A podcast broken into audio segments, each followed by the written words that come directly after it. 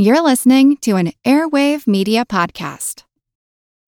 When you need mealtime inspiration, it's worth shopping Kroger, where you'll find over 30,000 mouthwatering choices that excite your inner foodie. And no matter what tasty choice you make, you'll enjoy our everyday low prices, plus extra ways to save, like digital coupons worth over $600 each week. You can also save up to $1 off per gallon at the pump with fuel points. More savings and more inspiring flavors make shopping Kroger worth it every time. Kroger, fresh for everyone. Fuel restrictions apply. Your brain needs support, and new OLLY Brainy Chews are a delightful way to take care of your cognitive health. Made with scientifically backed ingredients like Thai ginger, L-theanine, and caffeine, Brainy Chews support healthy brain function and help you find your focus, stay chill, or get energized. Be kind to your mind and get these nootropic chews at olly.com. That's O L L Y.com. These statements have not been evaluated by the Food and Drug Administration. This product is not intended to diagnose, treat, cure, or prevent any disease. This is Kickass News. I'm Ben Mathis.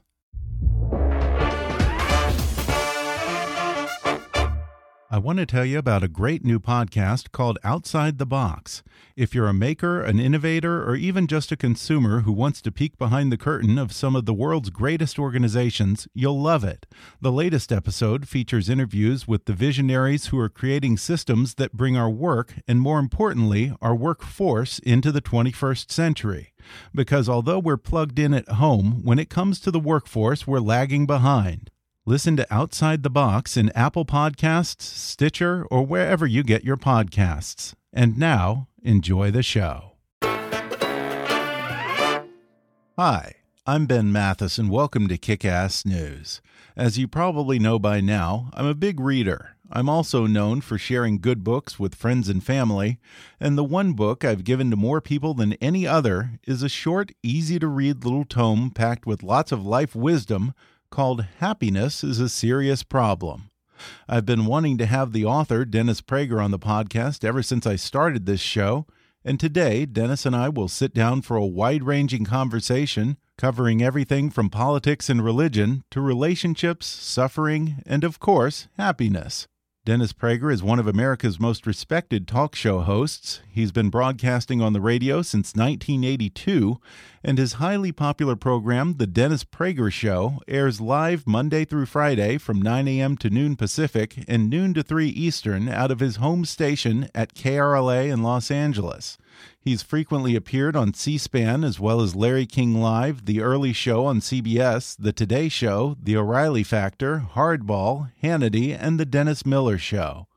Dennis Prager has also written seven books, including the aforementioned bestseller Happiness is a Serious Problem, as well as Still the Best Hope Why the World Needs American Values to Triumph, Think a Second Time, Why the Jews, The Reasons for Anti Semitism, and the Nine Questions People Ask About Judaism, which is still the most used introduction to Judaism in the world. His writings have also appeared in major publications such as Commentary, The Weekly Standard, The Wall Street Journal, and The Los Angeles Times. In 2009, Prager started his educational website, Prager University, which offers five minute videos on various subjects such as the Ten Commandments, the minimum wage, the Middle East, global warming, and happiness, of course. And to date, PragerU has received over half a billion views. Dennis Prager also periodically conducts orchestras and has introduced hundreds of thousands of people to classical music, and yet somehow even that seems to cause controversy for him. Today, Dennis Prager will talk about the politicization of his recent symphony concert at Walt Disney Concert Hall in Los Angeles. He'll caution that the war on opioid addiction may have unintended consequences and explain why he says the media is a greater threat to America than Vladimir Putin. Dennis Prager also warns that America may be in the middle of what he calls a second civil war, and it's not the kind of civil war that you're thinking of after Charlottesville.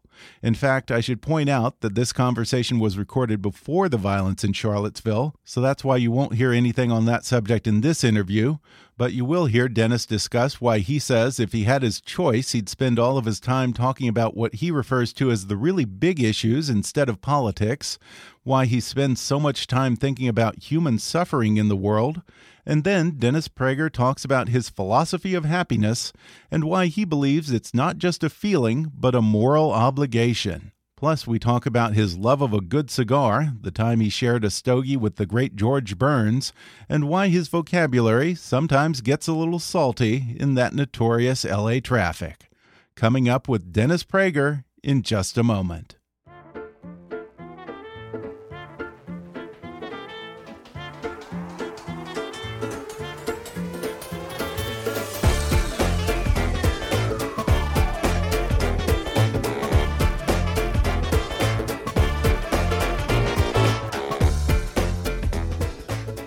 Dennis Prager is a popular nationally syndicated radio host, a best selling author, and a syndicated columnist who's regularly published on townhall.com, National Review, and the Jewish World Review, as well as the Wall Street Journal, the LA Times, and Commentary, just to name a few. He's also the founder of Prager University, an online educational organization that produces free short videos on subjects important to the understanding of American values. Mr. Prager, thanks for having me over for a talk. Pleasure. Welcome to my home. Happy to be here and happy birthday or happy belated birthday. Yeah, yeah. Well, you're early by 360 days. That's another way to look at it. Okay. so, either way, thank you. Now, are you one of those guys who thinks it's silly for adults to celebrate birthdays, or do you throw a party? Do you do some reflecting? How do you acknowledge I, uh, the day? I, I'm a big believer in the importance of birthdays, actually but I'm not a party fan. So they're two separate issues. And I, I, but I do attach significance. And people should call you up or send you a text or a card. I think it's a nice thing to do. It's your day, one out of 365 days. So I've always, I've always thought it significant, but I've never wanted a birthday party. This was a real exception, and, and it was an exception. Okay, forgive forgive the fact that I, I, do have dogs here. What are yes. what are the dogs' names? Otto, Snoopy, and Peanut. And you have a bulldog. You have a basset hound. A basset hound, yeah. And a and I don't know what guy. Peanut he's is. A, he's a mix. I don't know what he is either. We inherited him because his father unfortunately died. His father is the father of my stepsons, and he killed himself. Uh, he shot himself uh, about uh, half a year ago. I wrote a whole column on that. Why my why my stepson's father committed suicide, and I'm mentioning it because I'm quite angry about the situation. In our understandable upsettedness over opioid addiction, we have made it almost impossible for vast numbers of people with horrific pain to get pain relievers.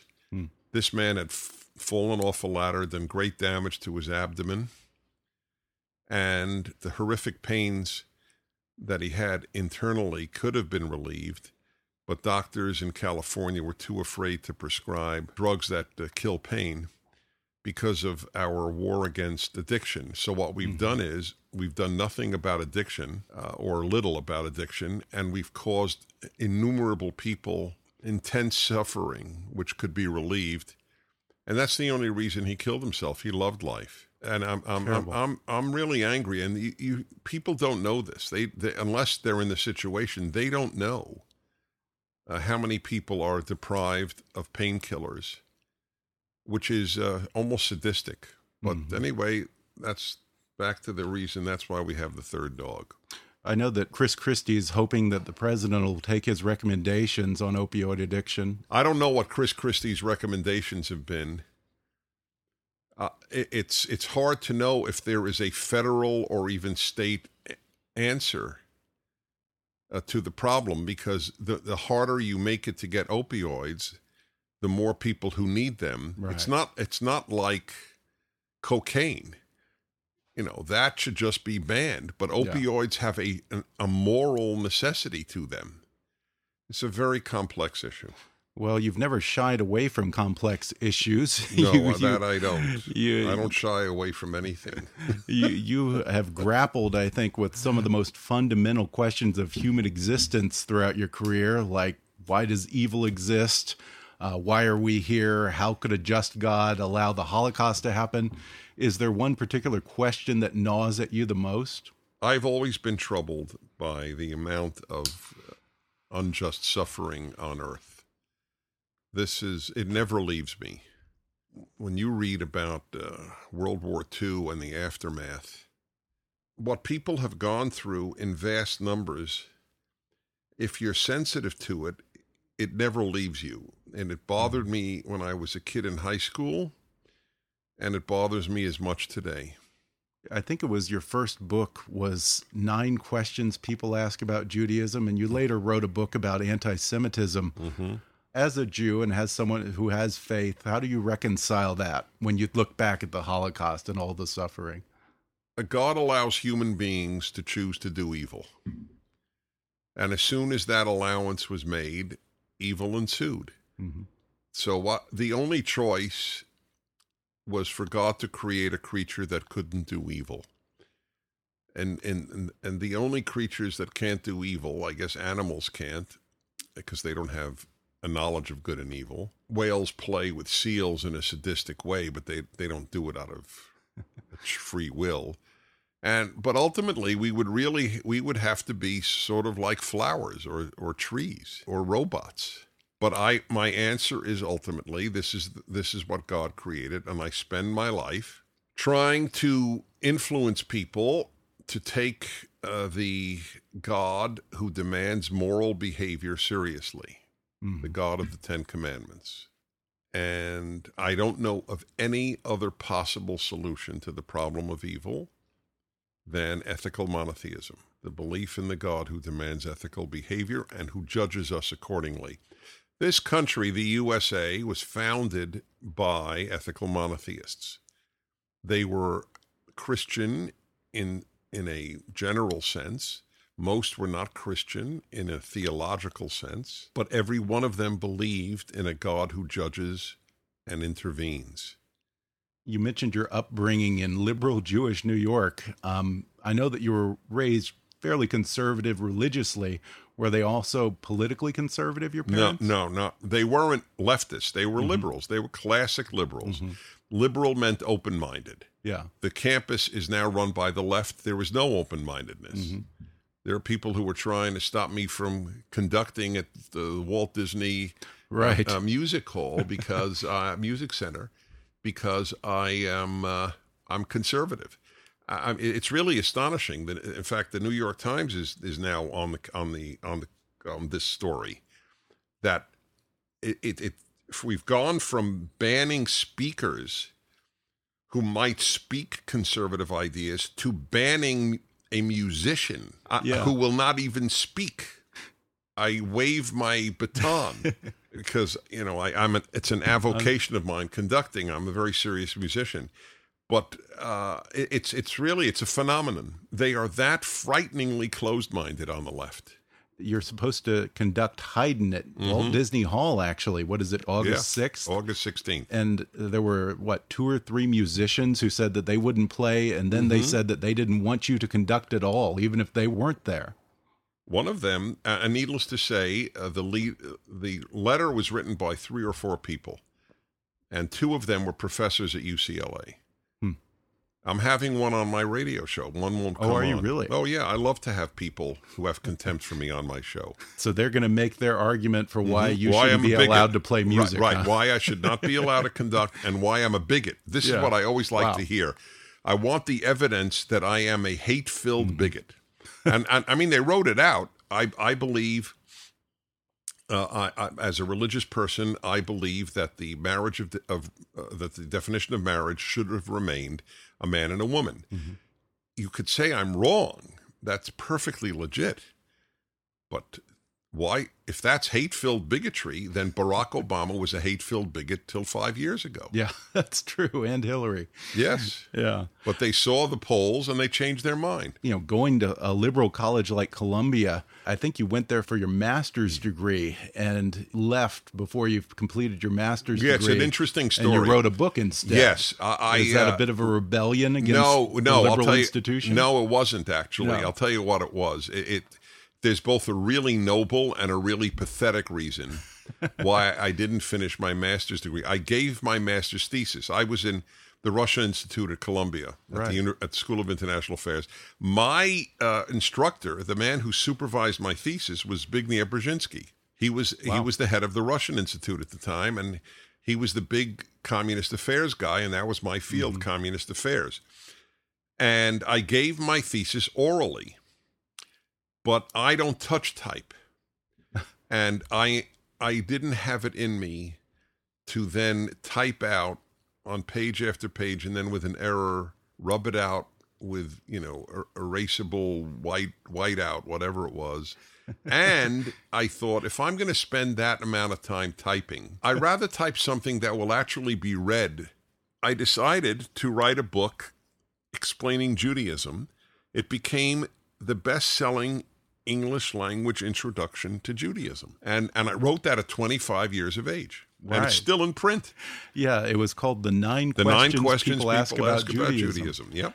Now, it wasn't really geared toward practicing Jews, but to non-practicing Jews, even non-Jews it was, it was and geared, atheists, right? It was, it was geared to non-Jews, mm-hmm. atheists, to Jews who were secular, Jews who were not Orthodox. I'm not Orthodox, but I'm I, be, I, I believe I'm not orthoprax. I'm Orthodox, which means I don't practice as much as Orthodox Jews do, but I do have Orthodox beliefs that God gave the that God is the ultimate the writer of the Torah. That's my belief. I'm writing a 500,000 word commentary on the Torah to make my case. That's the biggest project wow. of my life. Exodus will be out in April. The first book will be Exodus, interestingly.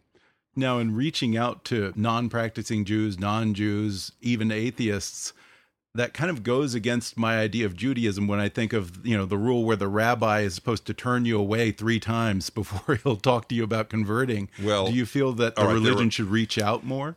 Well, there are two separate issues. It is not incumbent upon Jews, and never has been, to, to bring people to Judaism. Mm -hmm. Judaism doesn't care what your religion is; it cares if you're a good person. Mm -hmm.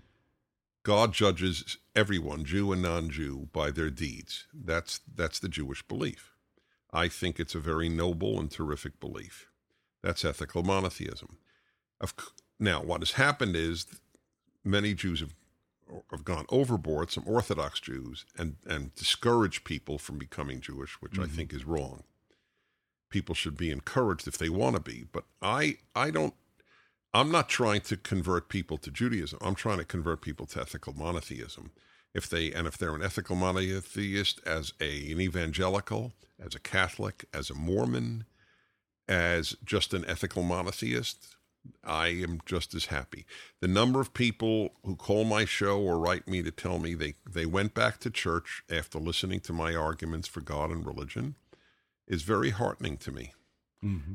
I've probably uh, brought more people back to church than almost any living pastor. uh, and I uh, and and and more people to synagogue than almost any living Jew. It's a very interesting uh, life I've led. I'm very proud of that. I have no compunction about saying it, and it is it, it gives me a great deal of comfort. It's interesting how important your religious views are to you, and yet you're able to work with someone like Adam Carolla on this new project that you have, this documentary about political correctness in universities. Here you are, a Jewish conservative. He's an atheist libertarian. How did a project like that come together? Adam Carolla and I share virtually every value. Really? We're not theologically the same, but we are morally almost identical. See, my belief is aside from all the other aspects of conservatism, conservatism is common sense. The further left you go, the more you abandon common sense. You enter the realm of suspension of common sense and you enter the realm of faith, but, but truly far more irrational faith than any religious person I know. I mean, to believe that there's no such thing as male and female, I don't knock the idea that there are some people with gender dysphoria, people who are cursed, and I think it. I think it. I say it in a in a totally sympathetic way. It's like you know being cursed with with some other debilitating thing. To believe that you are not the sex that your body is.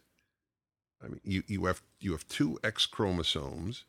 You have a vagina. You have a uterus. You produce eggs. You have breasts and you produce milk, but you're a man It- now it's, that it's a disconnect now, with well, reality. Well, all right, yes. Now that doesn't mean though if you undergo surgery and you look like a man and talk Mm-hmm. like a man, I will rec- recognize you. You that's what Really? the, what the yes, that's fine. Interesting. Uh, yes, absolutely. My problem is with those who maintain the physiological aspects of the sex they're born and still want to be referred to as the other sex. Mm-hmm. That's not fair to society. You- You're asking us to enter a disconnect that that is not rational. Mm-hmm. But if you undergo the surgery and you look like, talk like, and act like the other sex, I'm not going to give you a hard time. In fact, there would be no reason for me to because I wouldn't know it. Isn't that the point? Yeah. There are beautiful transgendered women out there. Whether they're beautiful or not, they- they're women, and if they have become a woman, I will re- I will refer to them in that way. But uh, we're having something far worse now. We have males who identify as women who compete against other women in sports. And then they just defeat them in in uh, mixed martial arts, right? In MMA b- boxing Yeah. or fighting. They're one of the strongest women alive, one of the strongest women fighters, was given a concussion in under in two minutes, in under three minutes. She said she had never met a woman with such strength, and of course, because it was a man who identifies as a woman. Yeah. Is that fair? It does seem a little unfair. It's completely unfair. and it's happening in weightlifting, it is happening in track, and uh, these are the compassion people. What about the compassion for all the women who want to compete with other women? a few years ago, you started this nonprofit online educational group called Prager University, which produces free short videos on subjects important to the understanding of American values as it's described on the site. Was this born out of your fight against political correctness? It was born in large measure out of my fight worse than political correctness. We we are seeing the the a moral upheaval in Western society. One of the most obvious examples is for the first time in American history, I would say at least half of American college students have a negative view of America. This has never happened. This is another victory for the left in its moral sickness. Like when I asked Howard Zinn, the- most famous left wing historian, I had him on my radio show and asked him, does he think that it was a good thing that America was created? And uh, he did not think so. So Prager University was created to give over the truth, number one, moral clarity, number two, and it has succeeded to an extent that I can't even say I dreamt. I dreamt for a million views a year. This year we will have 500 million views. Wow, that is stunning. It is stu- we're the largest maker of non-entertainment videos, I think, in the world. Oh, Yes, because the animal one that beats us is entertainment. I think. Yeah. No, no. I, It, I it's think really, that might be questionable whether it's right. Okay. Well, some find it entertaining. I'm sure I would. But we are changing minds. That's the mm-hmm. thing. There's no. There are many great conservative sites. Believe me, I I love them. I work with them, but very few change minds, and very few change minds in large numbers. The biggest single uh, age group watching Prager University videos is under 35 years of age. Yeah, I think that's what I've always appreciated about you as a radio host and what you're doing with Prager University is that unlike other conservative talk radio hosts, you're not just regurgitating talking points all the time and going back to the same political position. You speak about a lot of broader issues, which goes back to everything from religion and monotheism to good versus evil, uh, male female relationships, and, right. and happiness, things like Yeah. that. Is that the key to luring people in and actually changing people's minds? It's one talking about something more relevant to yes, their lives? Yes, well, relevance is a big factor, but it is one key. Mhm. It's not the only. The we give some of the finest minds through an extremely elaborate process of editing and editing and editing what they say. Every one of whom, and these these are Pulitzer Prize winners. Yeah, Every like one Paul of whom- Johnson. well, Paul Great Johnson, historian. Yeah, he's not a Pulitzer Prize winner because he's a Brit, but he he's I think he's arguably the greatest living historian. Mhm. And I agree. we've had Paul Johnson. I mean, we've had I mean Charles Krauthammer has given a course, and George Will's given a few courses, and Alan Dershowitz, believe it or not, has given a few courses. Uh, it's if you have something important to say, we want you to say it. Mhm. But my point is, we edit everything they say, not because they're not terrific, but because they are writing, when they submit their 750 words, Mhm. which is essentially five minutes, 750 words, when they submit it, they are really submitting a column. But if we had them read a column, people Yeah. would fall asleep Yeah. it has to be written in a way and delivered in a way that will keep people's interest Mhm. and make one or two points. And that's successful. Plus, they're very, very professionally illustrated. Top people getting top money. Every one of these videos costs a fortune to make, but we have people who donate. It's a, it's a tax exempt organization. We we need people to help us. They do help us. We need more because the more we have, the more we'll market. My dream, this I do dream, I want to influence the whole world. There's no reason with the internet why you can't. Yeah. See, here is a very major belief of mine. If an idea is good, it's good for everybody, not just Americans or not just Christians. When I started teaching Torah, it, only Jews took my class because it was given at a Jewish uh, seminary and it was the Torah after all. But gradually, word got out to non Jews that it's irrelevant if you're a Jew because Prager doesn't think that it only speaks to Jews. As I said in every opening year session, I would say, I am teaching everybody of every background atheists, Christians, everyone. Because either the Torah has something to say to everyone or it has nothing to say to the Jews. Mm-hmm. The idea that it only has something to say to Jews is as absurd as saying vitamin C is only good for Presbyterians. That's the way I would put it every time. We're going to take a quick break, and then I'll be back with more with Dennis Prager when we come back in just a moment.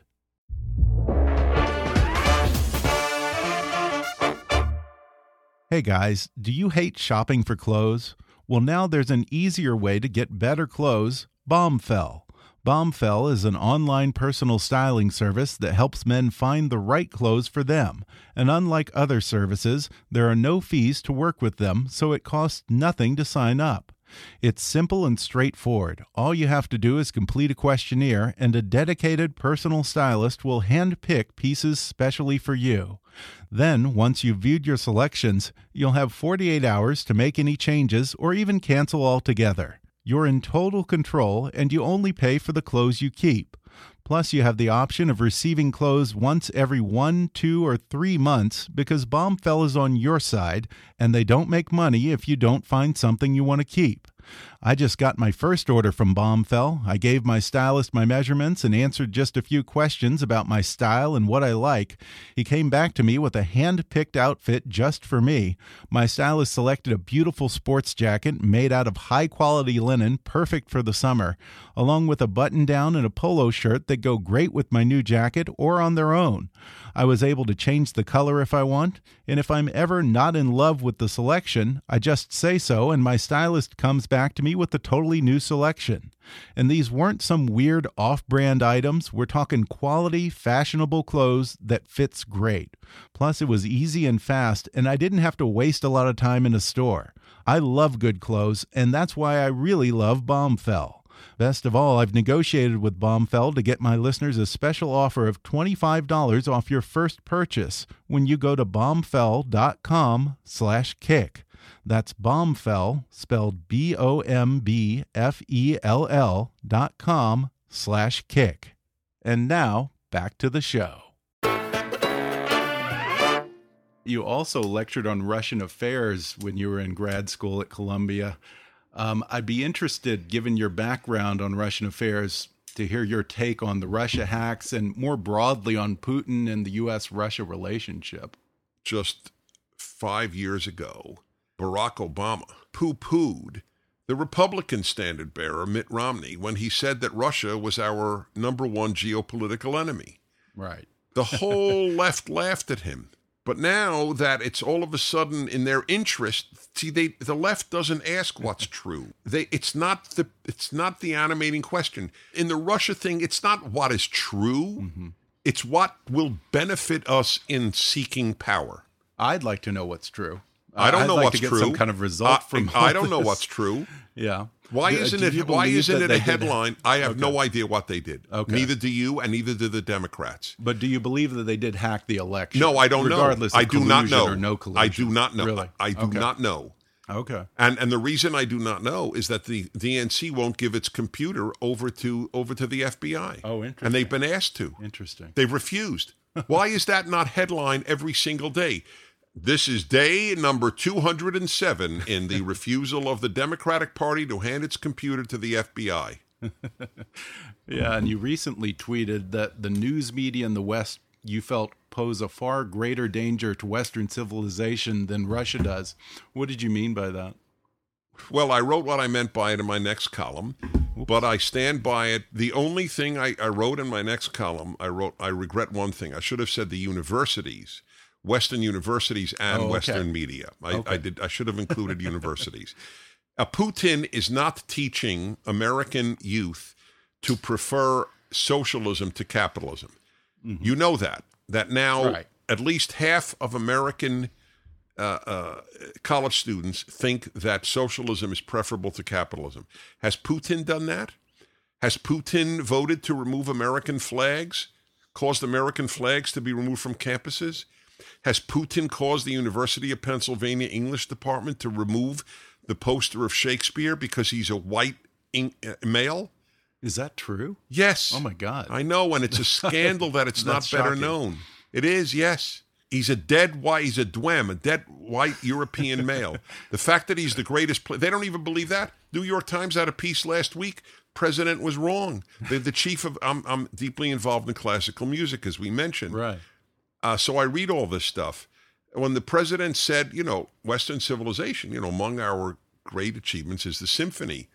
And so the head of uh, the, the the leading uh, music critic of the New York Times, right? Why is the symphony any better than Indonesian gamelan music? Now, I happen to love world music. Yeah. I love music really from almost every society, but I was not familiar with Indonesian gamelan music. so, since the New York Times chief c- music critic said, "Well, you know, uh, no, Beethoven's Third is not superior to Indonesian gamelan music," I decided to look up gamelan music on YouTube. Yeah. How'd you And- like it? Well, I played it on the air and I let people judge for themselves. Now, obviously, our ears are not attuned to this. The only thing I could say, I don't mock gamelan music. If it emotionally moves Indonesians, it's terrific. And I mean that sincerely. That's the purpose of music in many mm-hmm. ways, to emotionally move you. But nobody outside of Indonesia plays gamelan music. But everybody on earth who has Right. who has access plays Beethoven's third because it is the greatest music ever written. The, the only point I'm making is that Western, you asked me about Putin. Yeah. Putin is not undoing Western civilization. Uh, Putin has not told Western Europe, bring in tens of millions of people who don't share your values. I've written books that I wish everyone would read, and I'm going to recommend the book of another author Okay. and that is Douglas Murray and the book The Strange Death of Europe. The man is a uh, is an atheist and he's gay, so he has all the qualifications that the that the left would love. And he writes about the suicide of the West, and it has nothing to do with Putin, but it has everything to do with the media and the universities. Uh, do you feel like Romney did that he is our geopolitical foe, or Russia is? Yeah, I don't think that's Yeah. the greatest foe. I don't. I, I don't. I don't think I'm not as, as scared of Russia as I am of North Korea or Iran. Mm-hmm. Iran, Iran is the greatest foe on earth today. Uh, Russia has not vowed to annihilate another country. Right. And it is, it, but that means nothing to the left. Mm-hmm. Nothing. Who were keen on on the Iran deal. So it, it, it it's like it doesn't matter that another Holocaust is promised hmm by the leaders of Iran, the greatest supporters of terror on earth. Now you could say, well, and the Russians are helping Iran. I agree with you. True. I think the guy is disgusting. But you didn't ask me, do I think he's disgusting? You asked me, do, do I think that he is the reason for the unraveling of Western civilization? And he's not. Well, speaking of disgusting, prior to the election, you were fairly opposed to Trump on, I, I think, Not fairly. grounds. Not fairly. aggressively. Aggressively. And you eventually came around to him once he was the nominee. which I said I would. In my Yeah. first article in National Review condemning him, I said, but if he gets the nomination, I will support him. How did you, once he got the nomination, how did you rationalize that as someone who had The opposed way I did up it, to that the, point? Mm-hmm. the way I did it, well, I opposed him. Anything is better than a Democrat. no, it's as simple as that. Yeah. The left is the enemy of this country. I'm sorry, not liberals. Did I say it enough times? Not liberals. the left is destroying Western Mm-hmm. civilization. There is no Republican destroying Western civilization. Mm-hmm. The left is. It is undoing the American Revolution. They believe in unlimited government.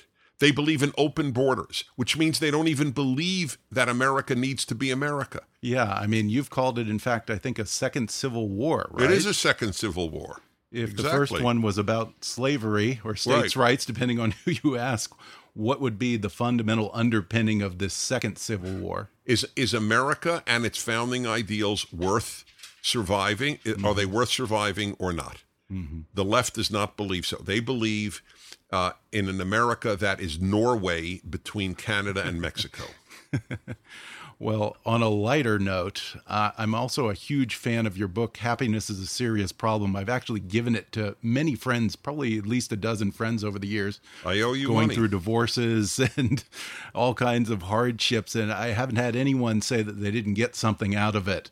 Um, I like that you say that happiness is not a feeling or necessarily a state of being, but it is an act and even a moral obligation. Um, you explain it better than I ever could. So, what is your philosophy of happiness? For those of your listeners who don't know, I, I, I have a national radio show. I'm probably on in their city. And every Friday for, since 1999, I've devoted an hour to happiness. It does not matter what is happening in the world. I have never, never once, even after 9 11, I broadcast the happiness hour. And uh, that is because, as I say in the introduction to that hour every week, the happy make the world better and the unhappy make it worse. I am on a crusade against uh, unhappy people. I'm not talking about people in North Korea. They have a total right to be unhappy. I'm talking about people who inflict their bad moods on others. It's leftism in part is a psychological response to misery. You, everyone has misery. One of the questions you have to grapple with in life, if you're an American, is America the source of my misery, or is life the source of my misery and my own nature? Conservatives blame their own nature and life. The left blames America hmm. for their unhappiness. Yeah, and one of the things that I like about that book is that you acknowledge that suffering is a part of life. And if you go through life expecting that you're not going to suffer and that's the key to happiness, you're inevitably going to be disappointed. Is this acceptance of suffering and this determination to seek happiness in spite of it something that comes to you innately when you come from a people who've suffered for 3,000 years? That's a very good question. I don't know the answer because most Jews are on the left. so they, they I don't know they don't they have a different attitude, I think. So I don't know if it's Yeah. because I'm a Jew. I, I'm very much in touch with all that suffering and wrote a book on anti-Semitism. Mm-hmm. What happened was I gave one lecture on happiness at UCLA. For about 30 years, people have subscribed to my lectures. They just get them periodically, first on cassette tape and now download. So I gave one talk on happiness. I was sure it's the only talk on happiness I'll ever give. and people got it. I then got a call about a year later from the women's magazine Redbook. The woman tracked me down. This is pre internet, it was hard to find people. But she tracked me down. She was the articles editor for Redbook magazine. So she said, Is this Dennis Prager? I said, Yes, this is so and so, articles editor at Redbook magazine. And I remember thinking, I think you have the wrong Dennis Prager. Why would the yeah. articles editor of Redbook magazine be calling me? If she want an article on ethical monotheism? So said, I'd like you to write an article on happiness. So I'm so not, I so don't know how to push myself. I remember saying, why? I didn't understand why she was calling me for an article on happiness. So I said, why? And so then she said, I'll tell you why. I, I, I heard your lecture on happiness. I said, and I'll never forget what I then said. I said, Really? You subscribe to my lectures? She said, Are you kidding? I never heard of you. I, I didn't even know you produced lectures. All I know is you were on New York radio one night, and I stayed in my car the whole lecture till I found out who gave it. I said, wow. My whole talk was on New York radio? She said, You didn't know? sure enough, this old, this, I don't think, I don't know if it's in business anywhere, WEVD, this station which broadcast in Yiddish and in Korean and in Chinese. And anyway, totally, totally illegally. I was going to say, did you complete, get a commission off this? Commission. I didn't know what happened. They it was completely illegal. I could have sued them for a fortune, but these people changed my life. These crooks made much of my life possible. So she said, it was so good, I had to find out who you are. So would you write an article? I said, okay, I'll be happy to. So I wrote the article, they published it. Then I get a call from Random House. Has a great article. We'd like you to write a book. And again, I said, book. I'm lucky I had an article in me. they said, no, no, no, sir, these are great ideas. Anyway, to make a very long story short, which was, I've already made it too long, what happened was, in answer to your original question, I had so worked out for my life a systematic way of, of being happy despite tragedy and sadness that since I'm no different from any other human, what worked for me works for others. Mm-hmm. So I merely had to put in print what worked for me. And now, you know, I'm, I'm, I'm, a source of happiness for a lot of people because of the happiness hour, the happiness lectures, right. and the book. Yeah, it's kind of turned into its own little industry. It, it, it truly is. Yes, it's the best-selling book I ever wrote. I was just going to ask if that's yeah. your most popular oh, book. Oh, by far, yeah. Well, one of the things that brings you happiness is a good cigar. In fact, if people are wondering what the the hissing sound and the puffing right, sound was, I'm having a cigar with right. you right now. Yep. In your den, which is something out of a Victorian gentleman's club, I think. This Correct. perfect setting for it. Yes. I have to ask about Cuba policy then. When it comes to Cuba, which tastes president, the cigar aficionado in you or the champion of democracy and human rights? Well, here's the amazing answer. I don't like Cuban cigars. Really? I beg people to give me Nicaraguan, Honduran, and Dominican. And it has nothing to do with the fact that they're communist. Nicaragua's communist, mm-hmm. and they make, uh, they and Dominican, and well, they all three make great. Uh, I don't care. I don't like the taste of Cuban cigars. Really? Yep. I, I overwhelmingly, I smoke um, the well, 100% I smoke those other three countries. Yeah. And most of the time it's Nicaragua. Partially because I love a very strong cigar, mm. and, and that Nicaragua produces. Dominican Republic tends to produce milder cigars, but they're also fine.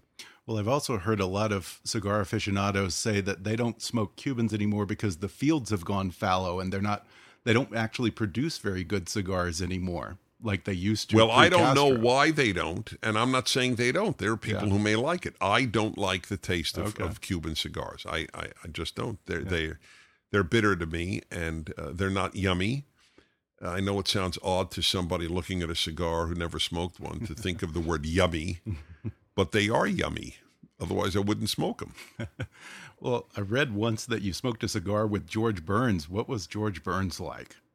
You know, that's interesting. Uh, so what happened was A man called me, said, I'm George Burns' accountant. George Burns loves your radio show, and Really? he'd like to meet you. And then I thought, okay, it's one thing not to pursue celebrities, but it's another to say no to a legend. Yeah. I'm I am going to go to George Burns' house To the- just just to tell my mother I did.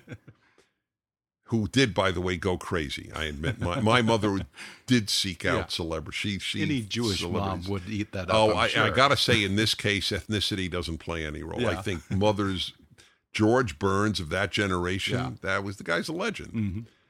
He was in his late 80s, maybe 90 even. And uh, sure enough, he had three cigars and a couple of martinis. And I fell in. It was great. I fell in like a straight man. And I said, you know, George was curious. What does your doctor say about all the smoking and drinking? and he said, well, Dennis, my, my doctor is dead.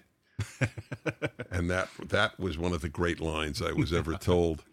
Uh, I I love being with him. He uh, he spoke much of the time about his love for Gracie, his Mhm. wife, and I'm uh, very interested in in male female relations. I have a male female hour, just like I have a happiness hour, and listening to him lovingly talk about his wife and their marriage. She had died years earlier. Telling me he still sleeps on the same side of the bed, you know, tells her things before he falls asleep. That was very moving to me. Yeah.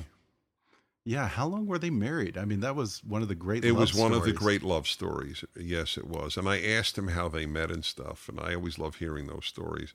I am as interested in the micro as in the macro. That Mhm. is atypical of talk show hosts. The thought of talking politics 15 hours a week uh, is to me nightmarish.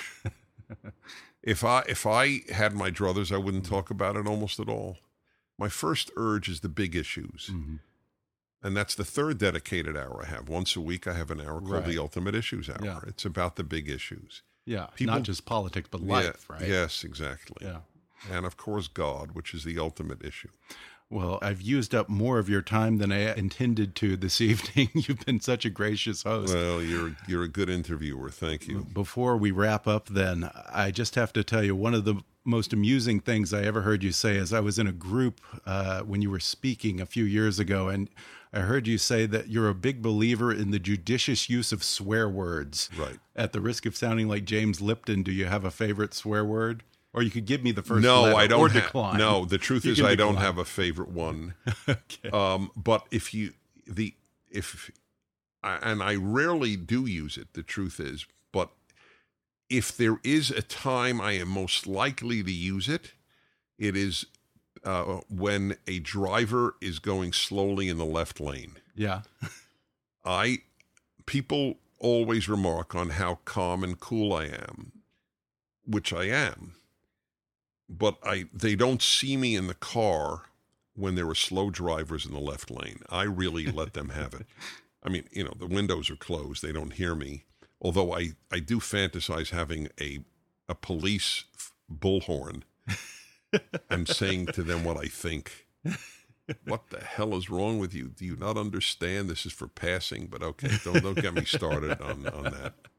Well, folks, if you ever are on the 101 and there's some guy tailgating you, it may be Dennis Prager. That's right. Prager? It may be if it's your if you're going slowly in the left lane, it may be me. All right.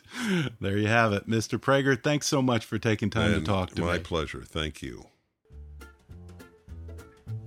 Many thanks again to Dennis Prager and his lovely wife Susan for having me over to his man cave for a good cigar and a good conversation. Dennis was also kind enough to invite us to his classical concert last night, and in spite of those who tried to politicize the event, I'm happy to report that Walt Disney Hall was packed to the brim with fans. He didn't even mention politics once, and it turns out the guy can really conduct an orchestra. So thanks, Dennis, for a terrific night of music. His nationally syndicated radio show, The Dennis Prager Show, airs weekdays from 9 to noon on the West Coast and from noon to 3 p.m. on the East Coast. To find your local station and learn more, visit DennisPrager.com. Check out some of the great Prager University educational videos at PragerU.com And while you're there, consider making a donation to support the great work they're doing. And follow Dennis Prager on Twitter at, at Dennis Prager. Be sure to subscribe to Kickass News on iTunes and leave us a review while you're there. Don't forget to take our listener survey. It only takes five minutes at podsurvey.com/kick. You can visit Kickass News on Facebook and follow us on Twitter at, at KickassNewsPod. And be sure to recommend Kickass News to your friends on your social media. And if you really want to help out, then donate to our GoFundMe campaign at gofundme.com slash kickassnews or click on the donate button at kickassnews.com. As always, I welcome your comments, questions, and suggestions at comments at kickassnews.com. For now, though, I'm Ben Mathis, and thanks for listening to Kickass News.